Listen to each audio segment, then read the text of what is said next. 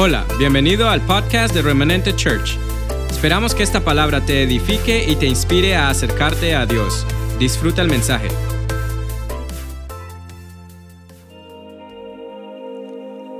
Bendecidos. Qué bueno estar aquí, adorando a Dios,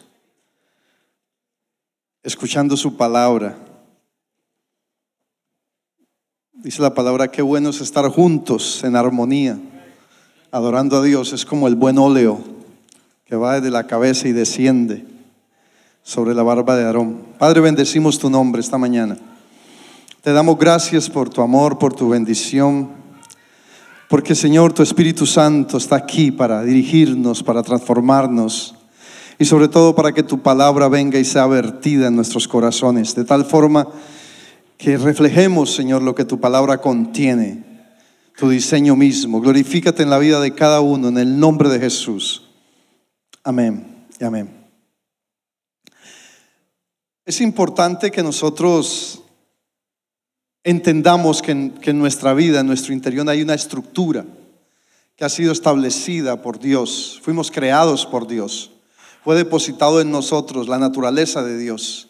Toda persona, más allá de, de que crea o no crea en Dios, contiene, contiene ese diseño de Dios, contiene esa esencia de Dios. Y es importante que nuestra estructura, que nosotros reconozcamos la condición de nuestra estructura. Y cuando hablo de nuestra estructura, hablo de nuestra mente, de nuestro corazón, de la manera como pensamos, de lo que decimos, de lo que hay implantado en nosotros. Porque a la final del día nosotros vamos a reflejar lo que hay en nuestro interior. Podremos aparentar, podremos tener eh, la habilidad de demostrar, de mostrar nuestra mejor parte, pero a la final del día nosotros vamos a terminar de proyectar lo que, lo que realmente ha sido implantado en nuestros corazones. Y la manera como nosotros reflejamos más fácil lo que contenemos es a través de las declaraciones, es a través de las palabras, es a través de la confesión. Y más allá de que usemos una palabra buena o mala, una palabra eh, agradable o desagradable, tiene que ver con, con, nuestro contenido, tiene que ver con la esencia de lo que tú y yo contenemos dentro de esa estructura. Y como hijos de Dios nosotros debemos ser el producto de lo que la palabra contiene, de lo que Dios ha dicho, de lo que Dios ha diseñado. Nosotros mismos somos el producto de un diseño. No somos el producto de un accidente o de una casualidad, somos el producto de un diseño. Algo que Dios habló, algo que Dios estableció, algo que la palabra misma dice, que, que desde el vientre mismo de nuestra madre dice que nuestro, no, nuestro embrión fue visto por los ojos de Dios. Y Él tuvo cuidado de todas aquellas cosas en nuestra estructura para que cuando naciéramos y creciéramos fuéramos influenciados por la palabra. Nosotros fuimos creados para ser influenciados por la cultura bíblica, pero bueno, hemos sido influenciados por las costumbres de la familia, por las tradiciones, por la cultura latina. Y dentro de esas culturas y dentro de esas tradiciones y dentro de esas costumbres hay cosas buenas y hay cosas malas. Pero más allá de calificar eso, es entender que nuestra estructura debe ser permeada, debe ser cubierta por lo que Dios ha dicho. ¿Por qué? Porque todo lo que Dios dice en nosotros o acerca de nosotros establece un diseño. Todo, todo lo que Dios dice establece en nuestro interior, en nuestra mente, en nuestro corazón, establece un diseño. Y nosotros debemos promulgar esos diseños. Y para que esos diseños sean establecidos en nosotros, requerimos de procesos. Dios no es un Dios de eventos. Dios no es un Dios de eventualidades. Dios no es un Dios de momentos. Dios es un Dios de procesos. A través de esos procesos lo que Dios dice, lo que Dios habla, lo que Dios instruye, son como trazos, esto lo he explicado muy bien antes, eh, son como trazos que van dibujando ese diseño, para que ese diseño sea implantado a la medida que yo recibo, que yo asimilo, que yo recibo convicción de lo que Dios dice a través de la fe. Entonces esos diseños se van implantando en mi vida, se van trazando, se van estableciendo, se van implantando, de tal forma que cuando yo hablo, lo que yo voy a hablar es el producto de un diseño. No es el producto de simplemente de una ocasión, de una situación, de una circunstancia, de lo que los sentidos me dicen, sino que voy a proyectar lo que hay en mi corazón, lo que hay en mi interior. Y eso es modelar un diseño. La Biblia dice que por la, de la abundancia del corazón habla la boca. O sea, lo que yo digo es producto de lo que hay en mi interior, de lo que hay en mi mente. Yo voy a proyectar mis pensamientos, pero también voy a proyectar mis convicciones. Y dependiendo de lo que yo haya trazado en mi vida, de lo que yo haya recibido, ya sea la palabra, ya sea la formación, o sea el producto de una costumbre, de una tradición o de una cultura, eso es lo que vamos a proyectar. Por eso es que mucha gente es aferrada a la cultura. No, es que en mi tierra somos así, es que en mi familia somos así, es que así somos nosotros, así somos los francos, los Pérez, los Gaviria, los Chica, los Saoneros, los... Porque somos el producto de una tradición. Pero cuando entendemos que como hijos de Dios crecimos o fuimos creados, perdón, con un propósito, con un destino claro, entonces vamos a tener el poder, vamos a liberar ese potencial que ha sido implantado en nosotros para que proyectemos y afectemos nuestro ambiente positivamente. Y es más que palabras negativas y positivas, porque es que la religión nos ha vendido ideas de lo bueno y lo malo. Es más que eso. Es entender que como portadores de un diseño tenemos la capacidad, el potencial, el poder, la autoridad creativa para que liberando ese diseño yo cambie mi entorno. Entonces lo que te quiero hablar hoy es de que nuestra confesión mis palabras, mis declaraciones establecen diseños. Establecen diseños. Tenemos que ser, porque sabe una cosa, mi mente, la transformación de mi mente va a reflejar mis resultados. Yo, mis resultados van a ser el producto de mis pensamientos. Entonces, entendamos de una vez por todas que Dios estableció, Dios sopló, dice la palabra que Él cuando creó al hombre sopló de su esencia, sopló de su, de su ADN. Sí, usted dice la palabra que nosotros fuimos hechos a imagen y semejanza de Dios, unos más gorditos, unos más negritos, otros más blanquitos, otros más flaquitos, pero somos el producto de la creación, fuimos producto de ese soplo de Dios en nuestra vida, lo cual trajo a nosotros una esencia y esa esencia tiene que ser liberada. Esa esencia tiene que ser eh, hablada, tiene que ser establecida. Y eso es lo que Dios está buscando que nosotros hagamos. ¿Para qué? Para que producto de ello nosotros establezcamos la voluntad de Dios. No, no la casualidad, no somos el producto de la suerte. Quítese eso de la mente. Usted no es producto de la suerte, usted es producto de la capacidad, del diseño que usted tiene establecido en su ser. La suerte será para aquellos que no tienen esperanza. La suerte será para aquellos que necesitan de una excusa. Pero usted es el producto de un diseño, no de una excusa, no de una casualidad, no de una suerte, no de, no de un evento. Usted es el producto de un proceso. Amén. Si va a aplaudir, aplauda.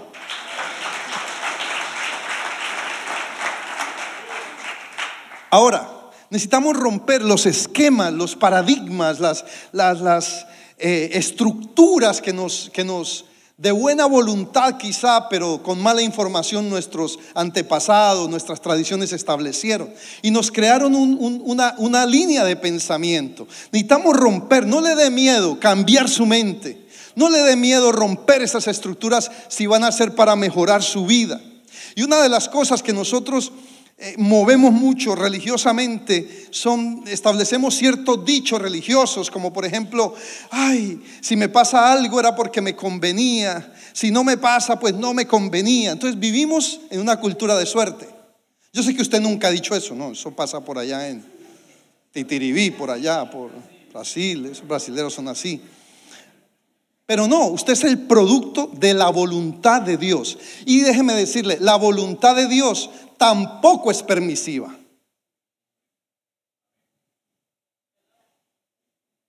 ¿Cómo así que no es permisiva? Sí, porque todos decimos, ay, pues Dios lo permitió. No, usted se metió en el lío. Porque la Biblia dice que la voluntad de Dios es buena, es agradable y es perfecta, no es permisiva.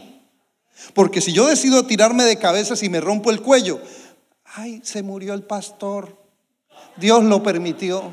No, yo fui cabezón y me tiré de cabezas. Entonces necesitamos romper esa estructura de pensamiento que es producto de la casualidad, que es producto de, perdóneme, y quiero, quiero que me entienda, a veces hasta producto de la impotencia. ¿Por qué? Porque no entendemos o no queremos aceptar que hay un depósito en nosotros que Dios estableció a través de su palabra para que ese depósito, escúcheme, a través de cada palabra que usted escuche, que usted lee, cada principio eterno que Dios establece en su corazón, lo que está produciendo en su vida no es una varita mágica, es un trazo. ¿De qué? De un diseño. A la medida que usted toma esa palabra, la vive, la cree, la establece, más allá de una religión o de una, de, una liturgia, pero la toma como un estilo de vida, esa palabra establece en su vida diseños que de una manera natural, cuando usted habla, cuando usted llega a un lugar, usted los expresa. Por eso es que hay gente que llega a un lugar y uno dice, wow, esa persona, así no hable, usted ve como que esa persona contiene algo, ¿verdad? Porque hay diseños de Dios en su vida. Como hay gente que llega y uno dice, huele a azufre. Por ahí alguien dijo eso. ¿Por qué? Porque nuestra actitud proyecta y nuestras palabras proyectan mucho más. Entonces, cuando yo le, le, hablo de que nuestra confesión, nuestra declaración establece diseño, nosotros debemos aprender a hablar. Debemos aprender a hablar. ¿Y qué decía Pedro? Hablemos la palabra. No es que se vuelva religioso, no, no le estoy proponiendo eso. Es que aprendamos a entender que nosotros vivimos en la voluntad de Dios. Entonces vamos a entenderlo mejor a través de la palabra, porque esto es un día a día. Esto no es un tema casual. El domingo voy a ver el pastor con qué me sale. No, esto es un tema de proceso. Esto es un tema que yo vivo día a día. Y entonces la palabra me invita a eso, a que yo viva mi día a día. Y a través de ese día a día yo libero un diseño. Entonces lo empiezo a modelar y empiezo a ver que mi entorno cambia y empiezo a ver que las palabras tienen tanto poder porque déjame decirle, hay un poder creativo en usted. Hay un poder creativo y hay un poder destructivo. Por eso las palabras a través de los años, a través de las costumbres, a través de las tradiciones han destruido personas. Porque así mismo las palabras pueden construir, pueden crear vida, pueden transformar una persona, como pueden matarla. Por eso es que usted ve, y es que Dios fue bien inteligente en esto. Cuando usted ve a una mujer o a su esposa, no digamos una mujer, a nivel de su esposa. Usted nunca ha mirado a otra mujer, no. Y usted la ve que va por ahí así, su esposa se levanta y usted de pronto le dice algo bonito, uy mamita, estás linda. Ella ahí mismo, eso tiene un poder. Eso mismo. Saca el 35B.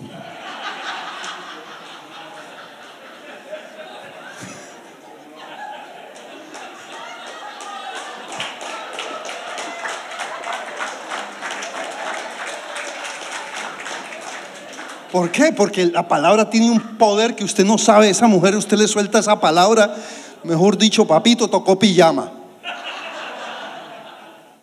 Porque hay poder en la palabra. El poder creativo, el poder liberador, el poder que fortalece. Usted puede encontrar una persona que está de... Por eso es que debemos ser tan responsables con lo que decimos. Cuando la Biblia habla que no chismiemos, que no seamos que no murmuremos. A veces pensamos que es una cantaleta de la Biblia, pero no, es porque hay la conciencia del poder que las palabras tienen. Porque si usted quiere influenciar a una persona, háblele bonito, dele valor a esa persona. Usted puede ver una persona decaída y usted va y le saluda y, y aunque sea un abrazo, aunque esa persona esté ahí, algo produce. Usted le da de su diseño. Y usted sabe cuál es la mejor manera de levantar una persona y de usted liberar ese poder creativo, de usted liberar esos diseños. Yo sé que a usted no le pasa esto. Vaya, busque una persona que le cae mal. Yo sé que a usted nadie le cae mal, ¿no? Usted, eso es a mí. Y usted vaya, haga ese ejercicio. Busque esa persona. Ya empezaron a mirar de reojo algunos por ahí.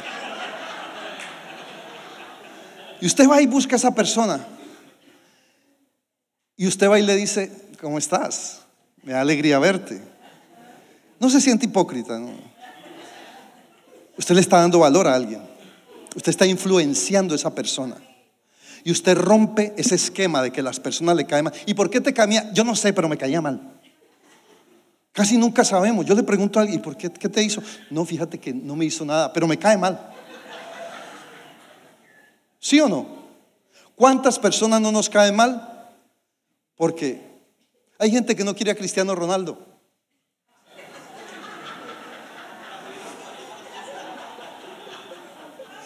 Es que porque son del Barcelona. Pero bueno, ya nos reímos. Necesitamos tomar ese dabar de Dios, esa verdad.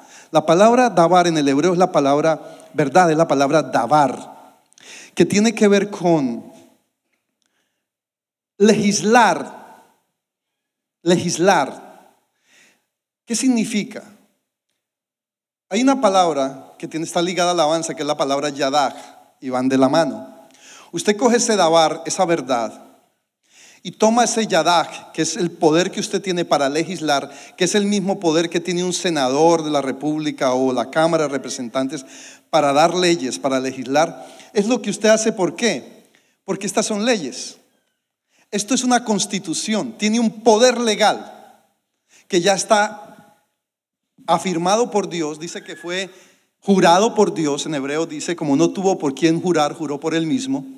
Entonces, es una legislación que así como una constitución de una nación, esta es una constitución del reino de Dios. Y no es celestial, es terrenal. Porque es que el problema de la religión es que todo lo hemos vuelto celestial. Todo, todo lo volvemos celestial. Pero no, esta es una legislación para que de lo espiritual se manifieste en lo natural a través del poder del dabar de Dios y del poder legislativo que usted contiene en su interior de parte de Dios. Entonces, eso hace que hagamos que cosas cambien, que entornos cambien, que, que, proyectemos vida en las personas. Por eso es que dice la Biblia que sus palabras son espíritu y son vida. Entonces vamos a, la Biblia para, para ser más claros, porque la Biblia es bien clara. Váyase a Romanos y usted va a entender mejor lo que le estoy diciendo. Porque la palabra lo explica mejor. Romanos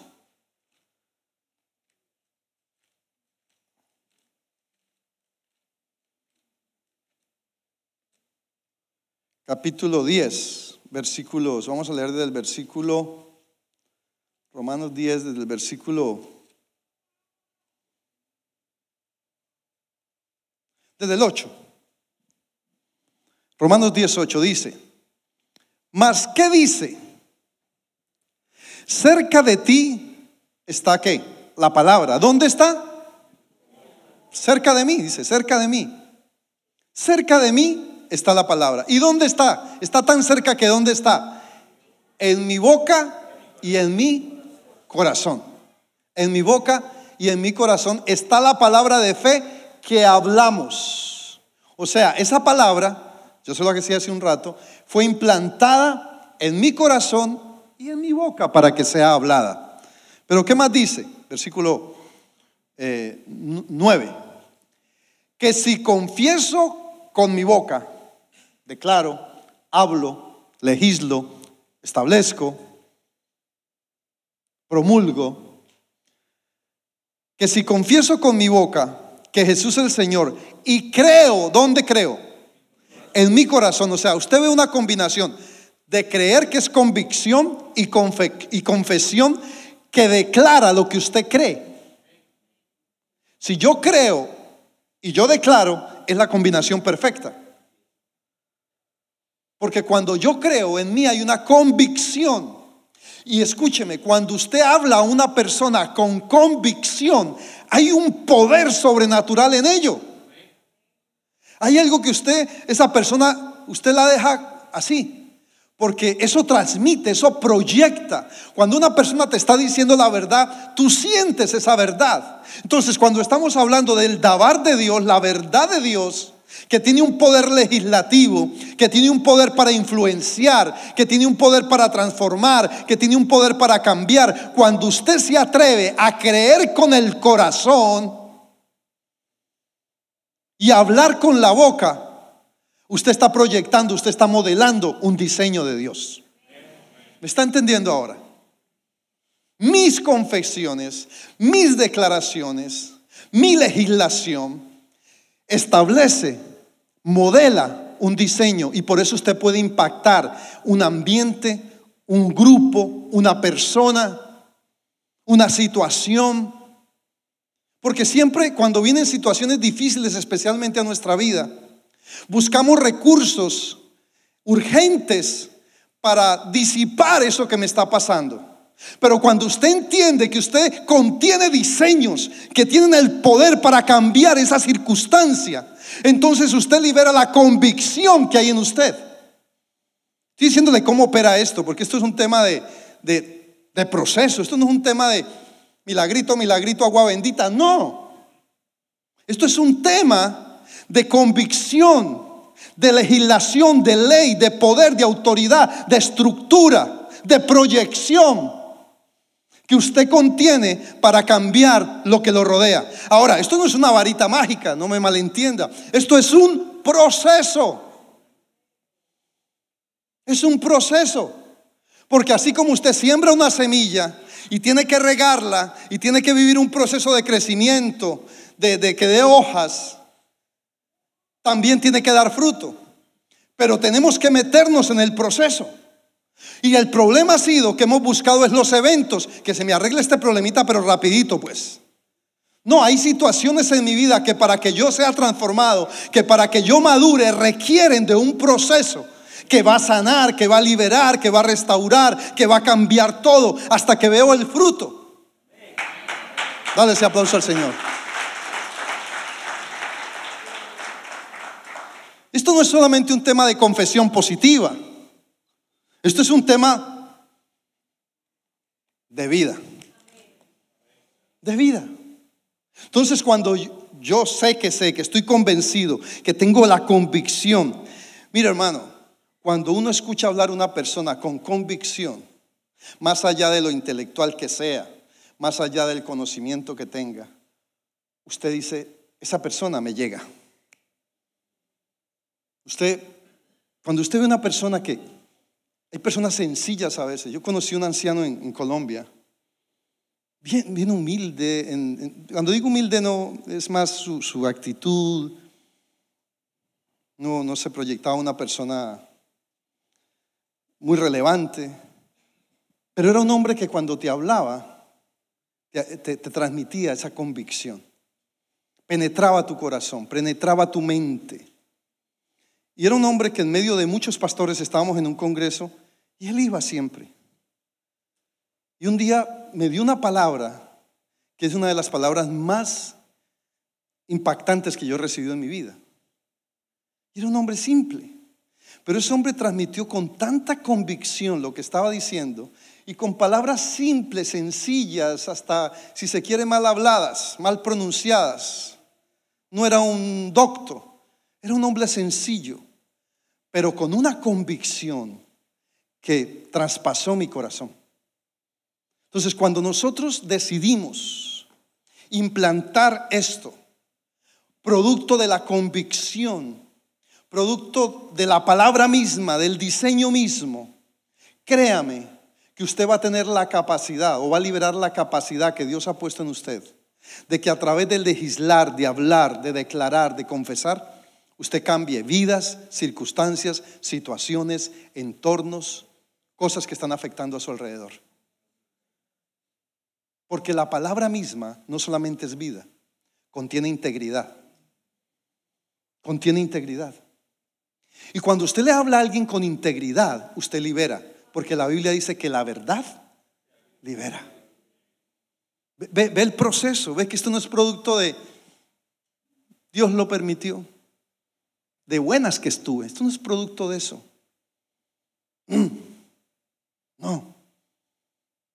Esto no es producto de que Dios me hizo el milagrito. Esto es producto de que usted se determina, se decide a caminar en un proceso que transforma su estructura interna.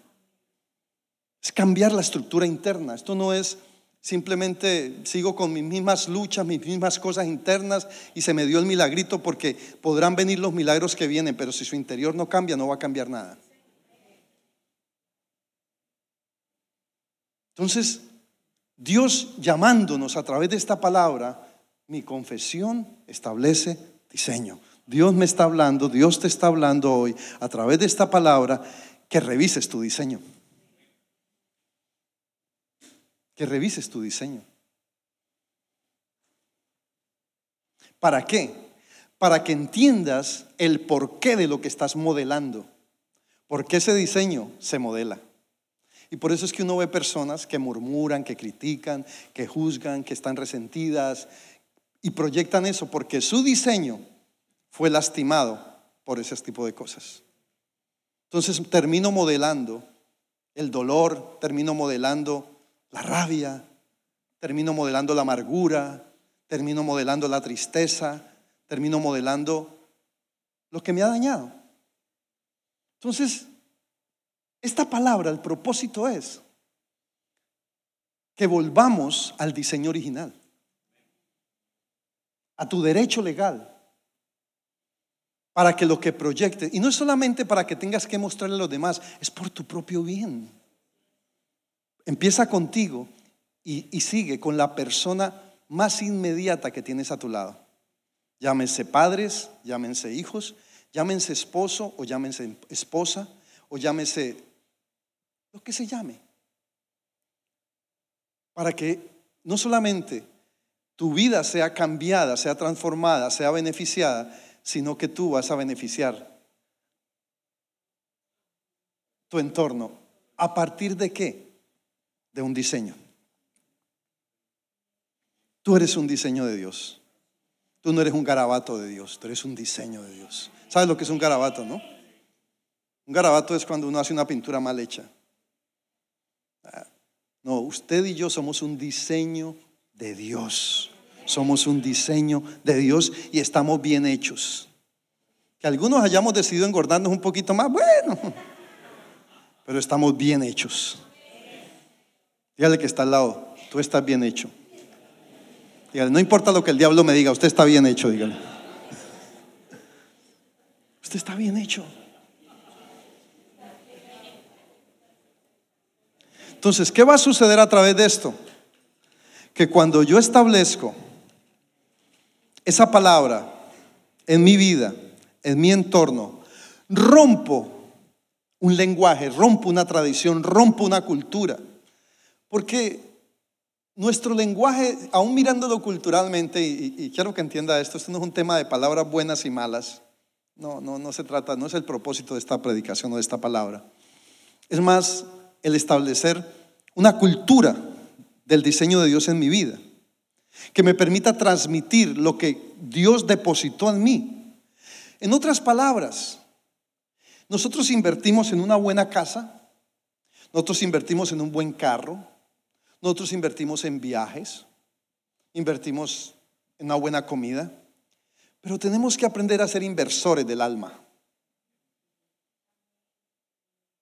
Porque la verdadera prosperidad está en el alma. La Biblia dice en, Juan 3, primera de Juan 3, amado, yo des, perdón, tercera de Juan, amado, yo deseo que seas qué? Prosperado. ¿En qué? En todas las cosas, en salud, así como prospera quien.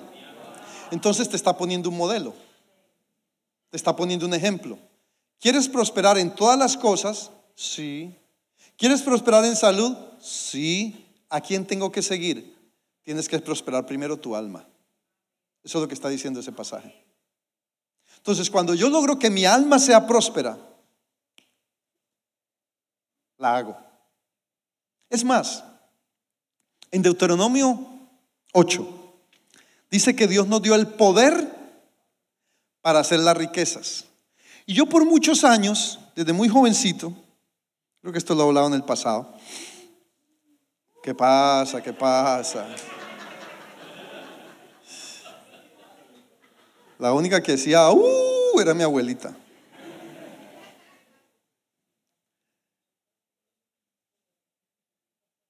Dice que Dios nos dio el poder para hacer la riqueza. Cuando uno mira esa, yo siempre pensaba, no, pues Dios me va a dar una estrategia y voy a ser rico y me voy a inventar algo y lo mando al mercado y bueno, me volví rico. De muchacho pensaba eso. Pero cuando conocí realmente lo que esa palabra habla, verajá, dice que Dios nos da la actitud correcta, el estado de ánimo correcto para hacer las riquezas. Ahí lo entendí. ¿Por qué? Porque yo conozco mucha gente próspera económicamente que su alma no es próspera. De hecho, lo he dicho muchas veces, el 70 y algo por ciento de las personas que se ganan la lotería en Estados Unidos la pierden. ¿Por qué? Porque su alma no es próspera. De repente les cae una prosperidad encima económica y no saben qué hacer con ella porque no tienen el poder, la actitud correcta, el, el estado de ánimo para manejar las riquezas. Y una cosa es ser próspero y otra cosa es ser rico.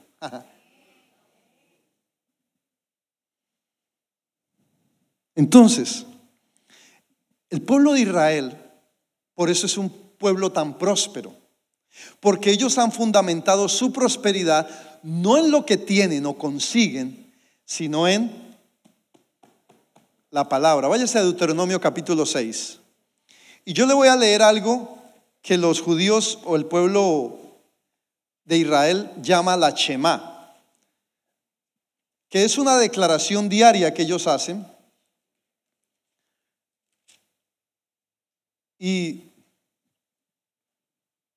vamos a leer el, capítulo 6, unos versículos para que entendamos mejor. Ya casi termino. Dice, estos pues son los mandamientos, estatutos, Deuteronomio 6, y decretos que el Señor nuestro Dios mandó que los enseñe para que los pongamos por obra. ¿Dónde? ¿En el cielo? En la tierra. A la cual poseéis vosotros para tomarla. Pasáis. Esta es la tierra que Dios te entregó por si acaso. Para que temas al Señor tu Dios guardando todos sus estatutos y sus mandamientos que yo te mando. Tú, tú y tu hijo y el hijo de tus hijos. Todos los días de tu vida ¿Cuándo? Todos los días de mi vida. Esto no es casual, esto no es eventual, esto es constante. Para que tus días sean qué? Prolongados. Esto prolonga mis días. Versículo 3. Oye pues, oh Israel, y cuida de ponerlos por obra, o sea, obedécelos. ¿Para qué? Para que te vaya bien en la tierra que fluye leche y miel y te multipliques como te ha dicho el Señor tu Dios, el Dios de tus padres. Y aquí viene la Shema. Versículo 4.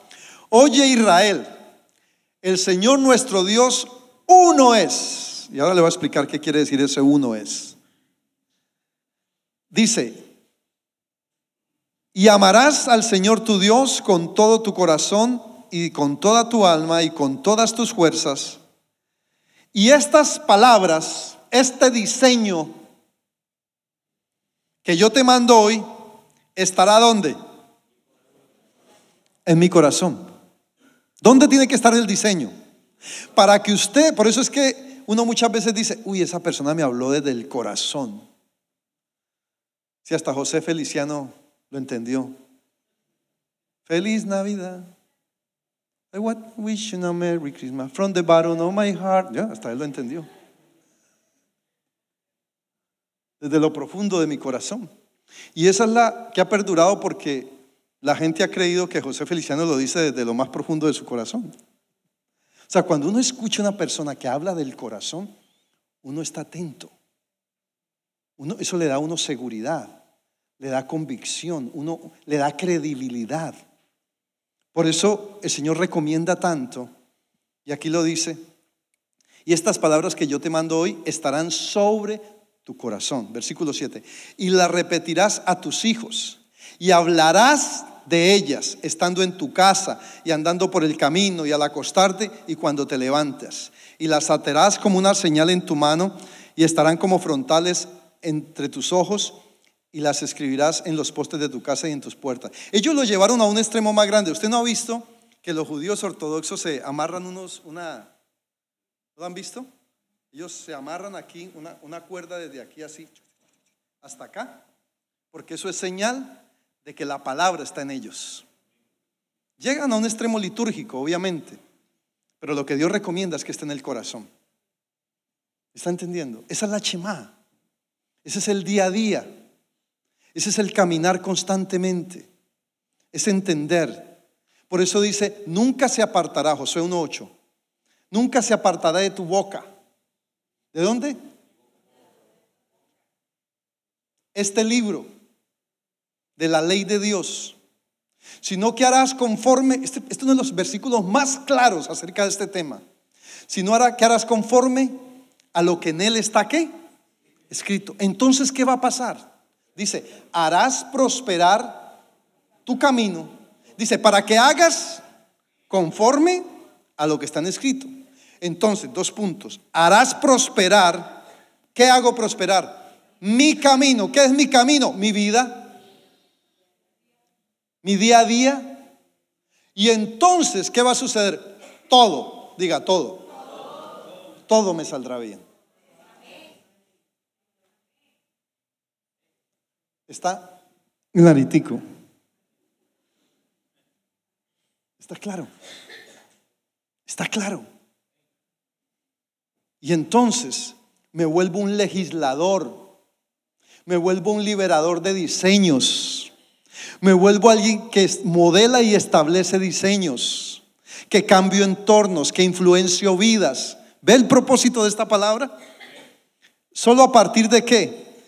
de que tomo esta referencia, de que camino en esta dimensión. Dice la Biblia que los dichos de mi boca, mire, mire cómo todo se enlaza, que los dichos de mi boca y la meditación de mi corazón, o sea, el vivir, el, el implantar esta palabra, sean gratos delante de ti, oh Señor. Eso es caminar en una dimensión no religiosa, en una dimensión de vida en una dimensión de modelos de Dios, en una dimensión donde tu estructura interna se fortalece, se libera, se sana, se establece. Y entonces te conviertes en una persona verdaderamente de éxito. Esto es éxito, esto es verdadero éxito. Cuando yo logro en la integridad de esos diseños poder afectar, poder influenciar la vida de una persona, cuando yo puedo tomar una persona que quizá está sumida en el dolor, en la tristeza, en la desesperanza y con una palabra desde el corazón la influencio, traigo una legislación, traigo un decreto de vida sobre esa persona de tal manera que su vida empieza a cambiar. Dale ese aplauso al Señor. Eso tenemos que ser nosotros. Eso significa estar hecho a imagen y semejanza de Dios. Eso significa cristianismo. Eso no es religión, esto que yo te estoy hablando no es religión, no es liturgia, no es paganismo, no es costumbre, no es tradición, es vida. Y si lo pones por obra, yo te reto, yo te desafío a que tú veas tu vida en uno o dos años como no ha cambiado por ese poder de esa palabra. Amén.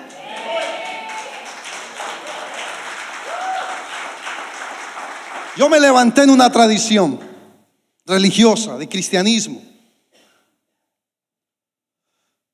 de la iglesia evangélica tradicional, y me tocó ver toda esa religiosidad. A los 17 años entendí estos principios y lo que empecé fue a construir diseños. Cuando entendí esto, entendí, fallaba por ahí, pero yo tenía estas verdades madurándose en mi vida, madurando conmigo. Y hoy a mis años puedo decirte que por lo menos lo creo, lo entiendo y te lo puedo transmitir. Porque para mí es una convicción de vida. Y no hay otra cosa, no, no, no consigo el éxito y la prosperidad de otra forma. Que no sea a partir de mi alma, mi alma transformada, donde mi corazón ame a la gente, donde si veo a alguien y me cae mal, me esfuerzo para que no me caiga mal. Yo hago ese ejercicio. ¿Y por qué me cae mal? No hay razón. O cuando alguien viene y me dice a mí, Yo tengo eso, quizás usted no se ha dado cuenta, pero le voy a contar mi secreto. Cuando alguien de la iglesia me dice, ay pastor, es que tal persona me cae mal, yo empiezo a investigar, ¿y por qué te cae mal? Dame una razón. Ay, es que no sé, es que no sé, hay algo, hay algo. Ese algo eres usted. Usted es el algo.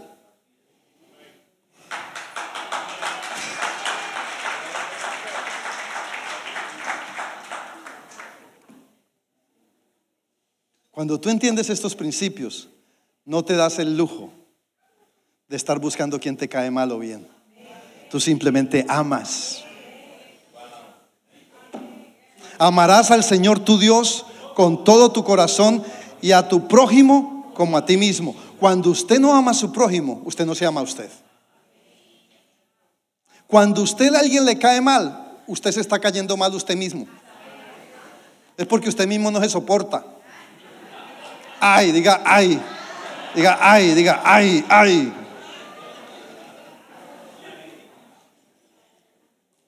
¿Por qué nos tenemos que caer mal? Si alguien tiene un defecto en su vida, pues algo le pasará. Influenciémoslo. Cuando yo veo a una persona, mire, yo sé que hay personas que llegan a veces a grupos y caen mal, yo sé, no lo ve. Y la gente le, especialmente en una fiesta. Si usted quiere saber si alguien cae mal, nadie sale a bailar con él.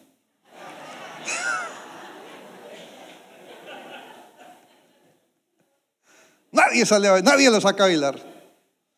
Termina bailando solo. y si tiene dos pies izquierdos, más todavía. Pero es cierto, hay personas que las estigmatizamos en la vida de la familia. Siempre hay un primo o una prima que me cae gordo, ¿sí o no? ¿Sí o no? Ah, no, pues a ustedes no, pues. un vecino que me cae gordo o gorda. Especialmente las hermanas que son tan competentes. Puede ir la señora bien elegante. Seguro ese vestido lo compró en, en el Salvation Army.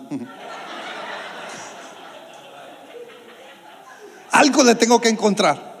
Así lo haya comprado en, en. Pero no, lo compró en Salvation Army. Algo. Los zapatos son de Payless, seguro. Y seguro que la señora los compró en otro lugar.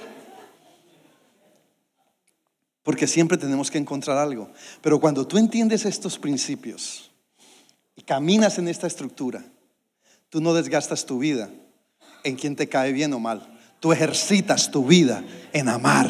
Tú ejercitas tu vida en influenciar. Tú ejercitas tu vida en transformar tu ambiente. Tú ejercitas tu vida en traer cambios a los demás. Tú haces la obra que Dios te mandó hacer. Ponte de pies.